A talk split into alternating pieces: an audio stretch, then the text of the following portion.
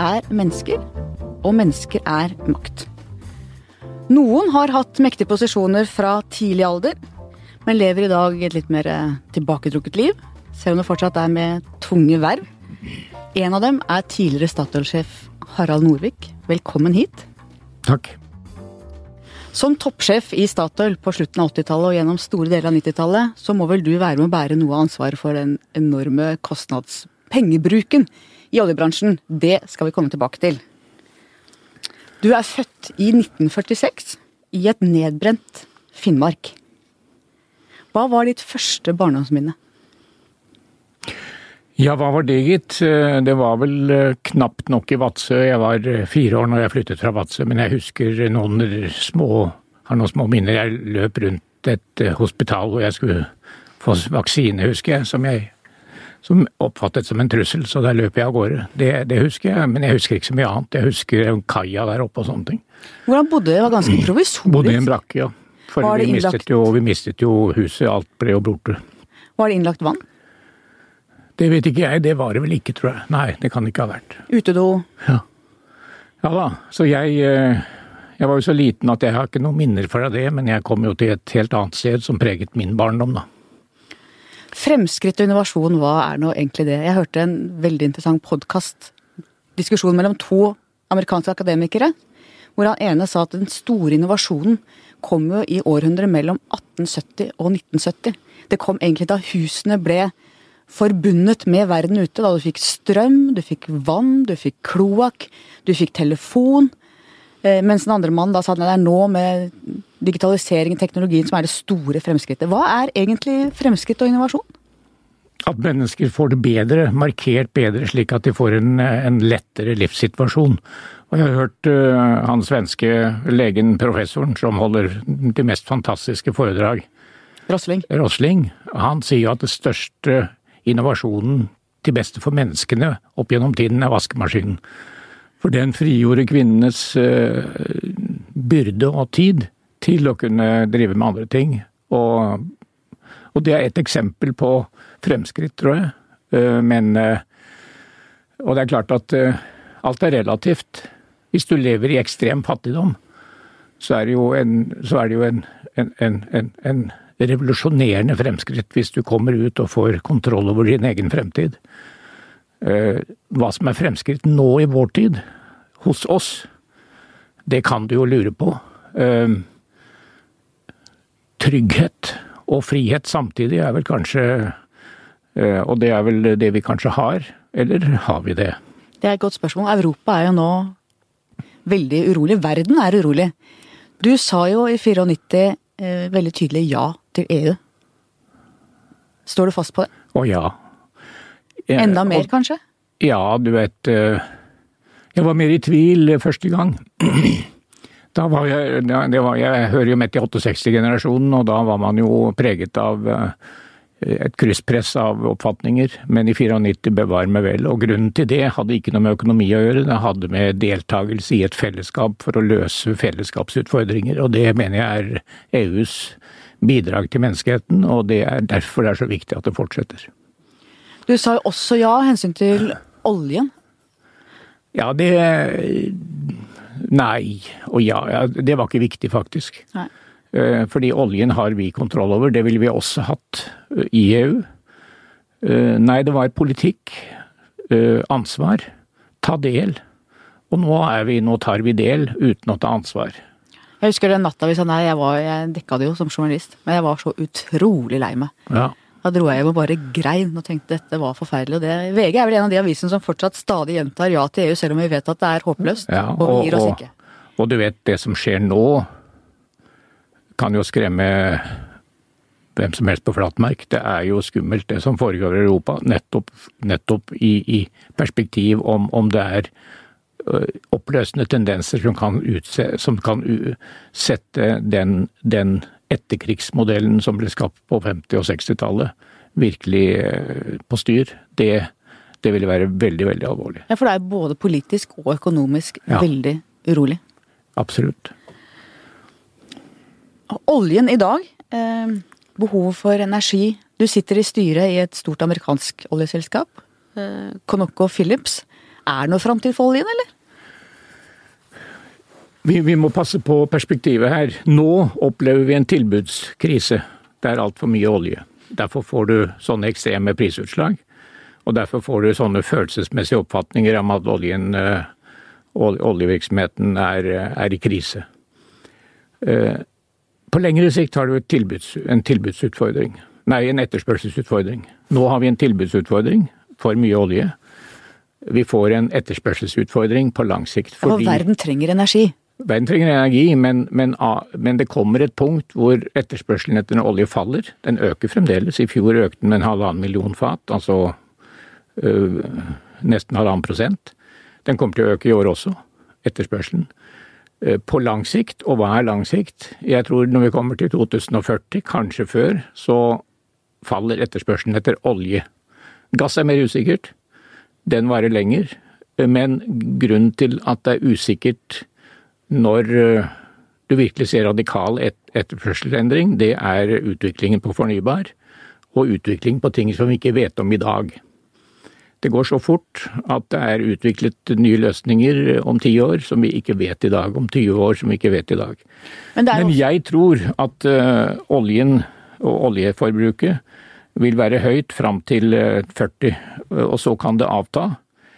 Uh, men det er i dette perspektivet vi er nødt til å innrette oss i Norge, fordi det, det, det, det er en tilbudskrise nå som fører til lav pris. Den kommer tilbake til et normalt leie. Og da kommer en viss optimisme tilbake i Norge. Da kommer det en viss tro på dette, da blir det mer investeringer. Eh, men det langsiktige perspektivet må vi ha for øye, for det forteller at det, det er Og det er ikke mer enn 30 år til. Men viser ikke historien at vi alltid har klart å fornye oss? Jeg var på Ulsteinverftet for et par år siden. Der har de jo, har de jo fantastiske oljeskip nå, bygget på kunnskap til fiskerne rundt der, som visste hvordan skipet gikk i sjøen. Altså, vi har jo hele tiden klart å bygge videre på det vi kunne Eh, og skapt ny industri på grunnlag av det? Helt enig. Jeg er, er, eh, er det noe vi kan i dette landet, så er det å gripe muligheter og utvikle løsninger når vi, når vi har muligheten til det, og når vi har forutsetninger for det. Og, og, vi har jo en utrolig godt utgangspunkt som nasjon, selv om oljevirksomheten blir avtagende, og selv om, selv om dens betydning faller. Den vil fremdeles være den viktigste næring om ti år kanskje om 20 år, men den faller.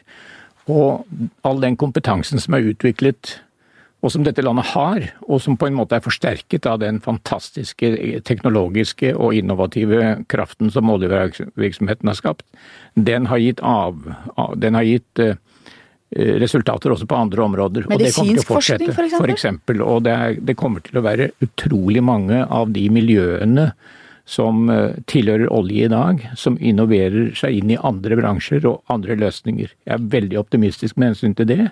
Og så er det et annet område vi er kjempegode på det, og det er eh, i, i, stål, nei, i aluminium og i stålbearbeidende prosesser. Der er vi verdensledende, og der er det også store investeringsmuligheter. Innenfor fiskeforedling så er vi, eh, eller oppdrett, er vi verdensledende. Så det, det er liksom denne denne tendensen til å, å, dyrke problemene, den er vi jo gode på. Men innovasjonskraften i dette landet er veldig stor, og kommersialiseringsevnen er også blitt bedre. Det, var, det har vi alltid sagt at det er vi dårlige til. Vi har blitt mye flinkere til det. Når det gjelder oljen, så er det også et dilemma at hvis prisen ligger lavt lenge, og hvis vi skrur av for tidlig, så vil verden bli mer avhengig av Midtøsten. Dette er jo også sikkerhetspolitikk? Det kan du si, og hvis du tenker rent rent økonomisk så skulle all oljeproduksjon i Midtøsten tas først. Det er der du har de billigste reservene. Det er der du har det mest lett tilgjengelige. Og det ville vært den riktigste løsningen for verden. Da får du det billigste først, og du tar fordelen av det. Grunnen til at man ikke gjør det, er jo politikk. Usikkerhet, det er geopolitikk, det er risikoen for at du blir for avhengig av ø, områder i verden som er kontroversielle. Derfor er reservene i Canada som er kontroversielle. Derfor blir de tatt ut. Derfor blir Norges ressurser tatt ut. Slik at det er en balanse i alt her i livet. Du kan ikke basere deg på Det er en, det er en risk reward alltid, og det å gjøre seg avhengig av Midtøsten er helt uaktuelt for verden. Du var jo en av dem som brakte Statoil inn i en rekke av det jeg kaller møkkaregimer. Eh, altså Statoil har vært engasjert i land som Aserbajdsjan, Iran, Og vi har, må jo deale med folk som i hvert fall ikke jeg liker. Hva tenker du om det i ettertid? Jeg tenker det samme i ettertid som jeg tenkte da. Dette er vanskelig. Og hvis, hvis man ikke erkjenner at det er vanskelig, så, så går man på en brøler. Det det er et dilemma og det er et problem at du arbeider i land hvor ressursene er så ekstremt urettferdig fordelt, og hvor det er korrupsjon, og hvor, hvor, hvor, urettferdigheten florerer. Det er et problem. Spørsmålet du må stille deg da, og det diskuterte vi i Statoil veldig mye, og i styret, og det blir diskutert i det norske samfunn. Skal man være i slike land, eller skal man ikke?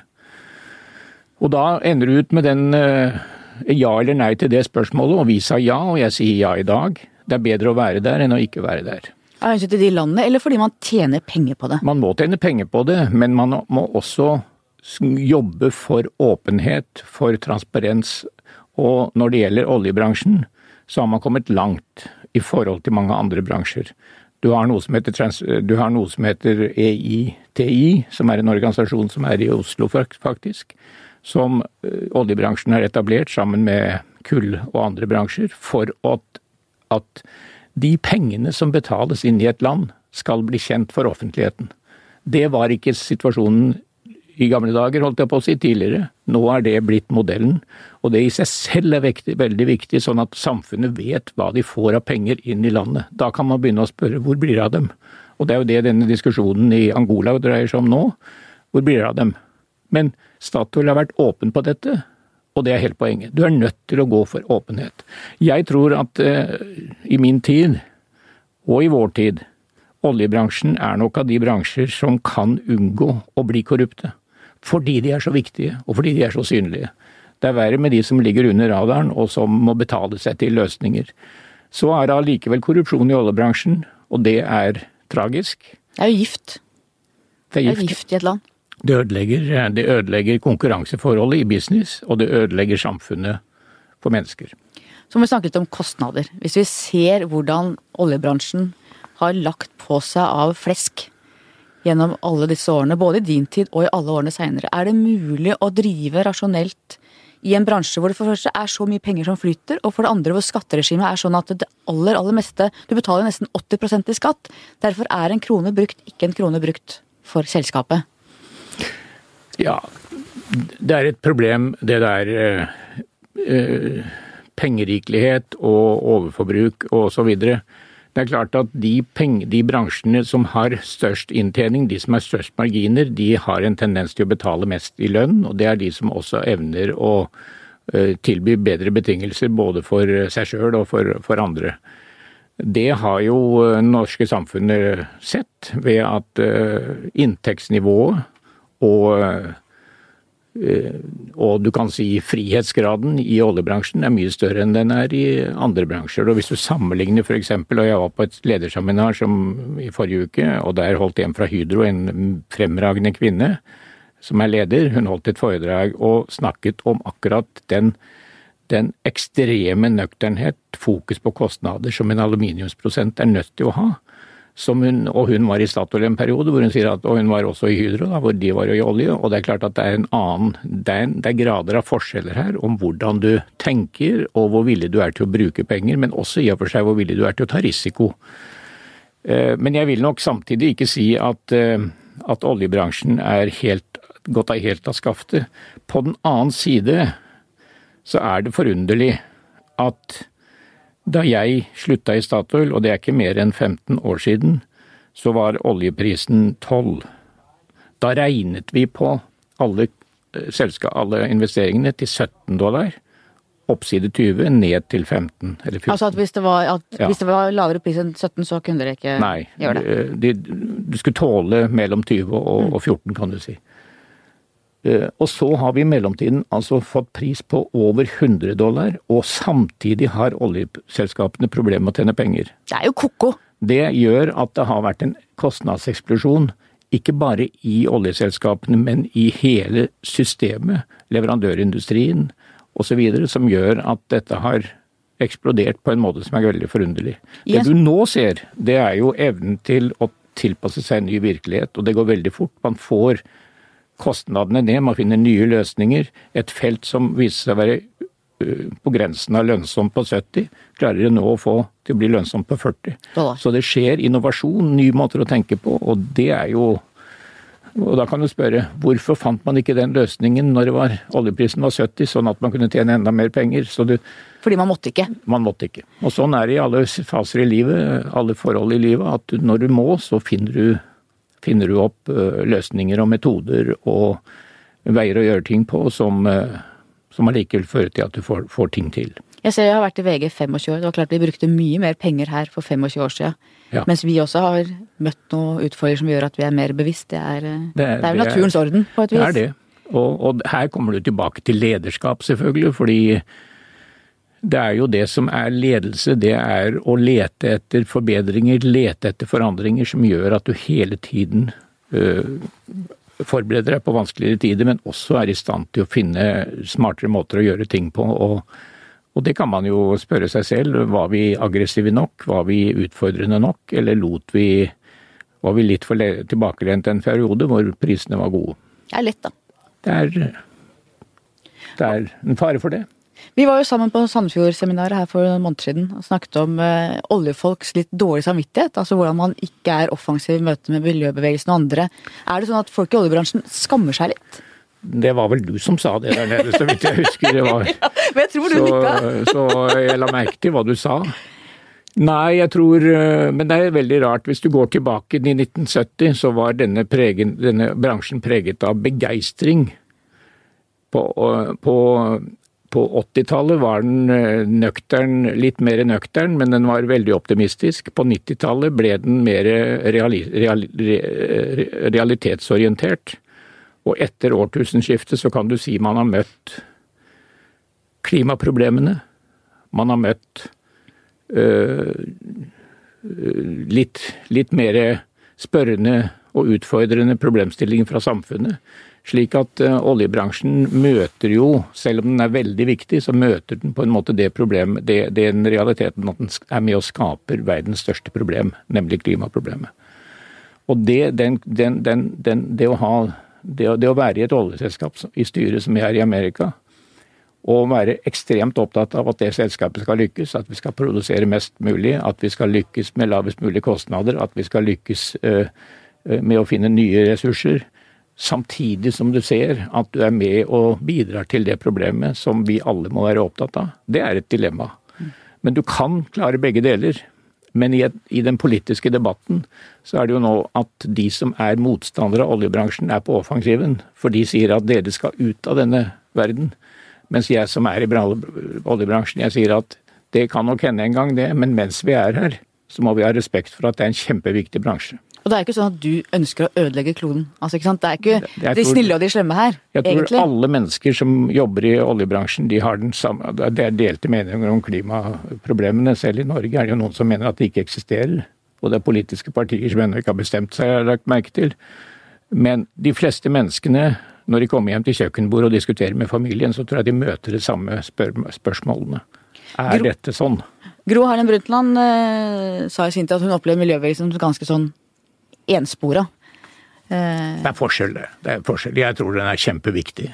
Den er, altså alle sånne I et samfunn så er jo mangfoldet hele poenget. Og, og det å ha noen som utfordrer konvensjonell tenkning, har noen som utfordrer måten vi driver på, er veldig viktig. Og miljøbevegelsen spiller en veldig viktig rolle. Men det er jo noen, øh, noen som er mer verdt å lytte til enn andre. Og det er jo noen som jeg syns går litt for langt i å ikke respektere at det er, en, det er, det er et mer komplisert bilde enn en, en bare å kvitte seg med f.eks. oljen. Gro er jo også den som eh, gjorde det mulig for kvinner i min generasjon å kombinere familie og jobb. Hvilke kvinner har vært viktig i ditt yrkesliv for den karrieren du har hatt? Oh, oh, oh, Det var et smart spørsmål, var det ikke det? Nei, mora mi har vel vært viktigst, som skapte meg, da. Eh, Og, og hun jobbet. Hun jobbet stort sett hele tiden mens jeg vokste opp. Hun var sykepleier. Og eh, det lærte meg jo noe. Jeg laget middag sjøl til mor og far, som eh, ofte kom hjem seint etter at jeg hadde kommet hjem. Det var eh, både hyggelig og nyttig læring. Jeg skal ikke si at det var gourmetmiddager, men det ble middager. Kona Lager du fortsatt mye mat, eller? Ja, jeg, det vet jeg får reaksjoner hjemme hvis jeg sier at jeg lager mye mat, men jeg liker å lage mat, og det blir jo ofte sånn at hverdagsmaten er ikke mitt gemet, det blir ofte de, de helgematen. Men, eh, men jeg, jeg, har vært gift med Kirsten i, i ja, hvor lenge er det? Ja? Herregud, 46 år. Eh, og hun har jobbet hele tiden. Og det har vært viktig på en måte, og det har vært en balanse i den forstand. Og det var veldig viktig da jeg var i Statoil, at hun hadde sin karriere og sitt arbeid. Og vi valgte å bo i Oslo av den grunn, fordi hun og barna var her. Ja, og, og, og det andre hun har betydd, det er at når du er konsernsjef i Statoil, så er det utrolig mange som du blir eksponert for og skal bli venner med og forholde deg til. og du blir kokettert med og kurtisert og osv. Og, så videre, og det å ha en som drar henne på bakken og passer på at vi har beholder gamle venner, og at vi beholder venner i nærmiljøet, er usedvanlig viktig. Hva tenker Du pendla jo i tolv år. Hva tenker du du vant, og hva tapte du ved det? Ja, vi er nok enige om at det var en fin periode, fordi det du gjør da, det er at du blir flink til å planlegge helger, planlegge ferier. Eh, og så kan du jobbe ekstremt mye når du er der du er. Eh, og, og, og, og begge vet hvor den andre er, på en måte. Det er, det er, det er en grei livssituasjon. Så de som lager det til et problem, de, de syns jeg ikke treffer. Men er samtidig er det klart at hvis du har små barn Det hadde ikke vi, vi hadde voksne barn. Eller barn i ungdomstiden. Ungdomsalder. Men har du små barn, da er situasjonen en annen. Jeg skrev en kommentar som jeg fant nå i 96 eh, om kvinner i næringslivet. Vi hadde snakket med deg på forhånd, det husker jeg godt. Da var du Statoil-sjef. Hvor du var opptatt av at eh, presset for å få kvinner inn i lederposisjoner og få kvinner på alle nivåer i organisasjonen må komme fra toppen. Og du pressa på fra toppen. Mm. Det er 20 år siden. Ja. Hvordan syns du det er stelt i næringslivet når det gjelder kvinnelige ledere nå? Ja, Mye bedre, da. vet du. Det er jo en fantastisk utvikling som skjer. Men den skjer ikke så fort som, eh, som, den, eh, som du ville likt, og ikke som jeg ville likt. Men, eh, men hvis du ser på samfunnet i dag, så er det en fantastisk utvikling når det gjelder balansering av forholdet mellom kvinner og menn i ledende posisjoner. Så er det næringslivet, og særlig deler av næringslivet, som kommer dårligere ut enn offentlig sektor. Det er deler av næringslivet som kommer dårligere ut enn andre deler av næringslivet, men det går i én retning, og jeg ser hvor mange fantastisk dyktige øh, og engasjerte kvinner som nå tar lederposisjoner, og det jeg legger merke til, syns jeg, da, det er at de jeg møter, og vi driver med lederutvikling på jobben, det er at de har holdninger som er utrolig gode når det gjelder hva lederskap er. Hva skiller kvinnelige og mannlige ledere? Er det noe kjønnsforskjeller? Jeg tror, eh, jeg tror eh, Ja, det er Men jeg skal være forsiktig med å generalisere. Men jeg tror uh, respekten for mennesket, det å være leder, hva er det? Stort sett så er det å ha ansvar for andre menneskers suksess. Andre menneskers utvikling. At andre mennesker kan lykkes i sin jobb. Det er en omsorgsdimensjon, og det er en nærhetsdimensjon, og det er en respektdimensjon som jeg tror kvinner har minst like mye av som menn, for å si det sånn. Det er vår tids ledelse. Det er ikke kommandoledelse, det er ikke autoritær ledelse. Det er involverende og deltakende ledelse vi snakker om. Og jeg, kvinner har alle forutsetninger for å bli enda bedre enn menn i snitt på det. Men jeg syns det går fremover, og jeg syns øh, jeg synes, men det er tre nivåer som må jobbe med dette. Det er samfunnet, det er politikken altså. Der har vi barnehager, som er det viktigste. Så er det bedriften som må jobbe med det. Bedriften må ha en bevisst holdning, må ha systemer, må ha ordninger når kvinnene ønsker å være hjemme med barn, og allikevel kunne komme tilbake igjen. Sånne eksempler. Men det tredje nivået som også må til, er individene. Kvinnene må selv ville. Og det blir bedre, men det er altfor mange kvinner fremdeles som har kviet seg for å ta lederposisjoner og gå den veien. Du var 42 år da du fikk toppjobben i Statoil selv, og du har uttalt, uttalt at det kan være ensomt på toppen. Hva mente du med det? Ja, det er jo litt sånn koketteri, det. For det er, det er klart eh, På noen dager føler du deg veldig ensom fordi du av og til må ta beslutninger som du ikke har støtte for. Eh, du av og til sliter med ting som du må slite med selv. Hva syns du var det vanskeligste, hvis du kan trekke én episode? Hva var det tøffeste du sto overfor? Det er to to episoder, to situasjoner som er tøffest, uansett hva du sier, og det er når vi har dødsulykker. Eh, og vi hadde en svær dødsulykke med et helikopter som gikk ned. Og det andre er når du blir beskyldt for ting som går på etikk og på deg sjøl. Eller på selskapets moral. Og vi hadde noen beskyldninger om korrupsjon tidlig på 90-tallet som eh, ikke hadde rot i virkeligheten. Eh, noe hadde rot i virkeligheten, for det var en korrupsjonssak som vi identifiserte, men så ble det beskyldninger om korrupsjon i ledelsen og andre ting, og det var kapital som kjørte dette løpet. Eh, det var helt forferdelig, fordi du visste ikke hva du sto overfor, og, og, og du, ante, du visste ikke om det var noe i det, osv. Den følelsen eh, som går på om du har tillit til de rundt deg, om du har tillit til organisasjonen. Men vi kom gjennom det, men det var det verste jeg hadde. Jeg ble selv beskyldt av politiet for å være korrupt. Det sitter dypt. Det satt dypt. Du fikk jo en eh, egen mentor, en engelsk musiker, som lærte deg Nei, han var ikke mentor. En coach, Eh, eller Ja, han, jeg var eh, litt for dårlig i engelsk, og så var jeg litt for dårlig til å holde foredrag. Og så ville jeg ha en som kunne hjelpe meg med det, og han hjalp meg. Jeg møtte han et par ganger i året. Han kjørte meg på å holde foredrag. Det han fremfor alt eh, hjalp meg med, vet du hva det var? Bruke stemmen. Å få opp stemmen slik at du faktisk tror på det du sier selv. Veldig bra. Og, og, og, det er veldig mye i det. Altså at når du, når du er usikker, så har du en tendens til å sette stemmeleien ned sånn, og så blir du litt svak og litt eh, lite, lite kraft i formidlingen. Så han fikk meg til å forberede meg godt. Han fikk meg til å begynne å tro på det jeg skulle si, og så bruke stemmen til å demonstrere at jeg faktisk trodde på det. Og i dag er du mentor sjøl for toppledere. Hva er det viktigste du gir dem? Nei, det viktigste for en leder, tror jeg, er å være personlig trygg.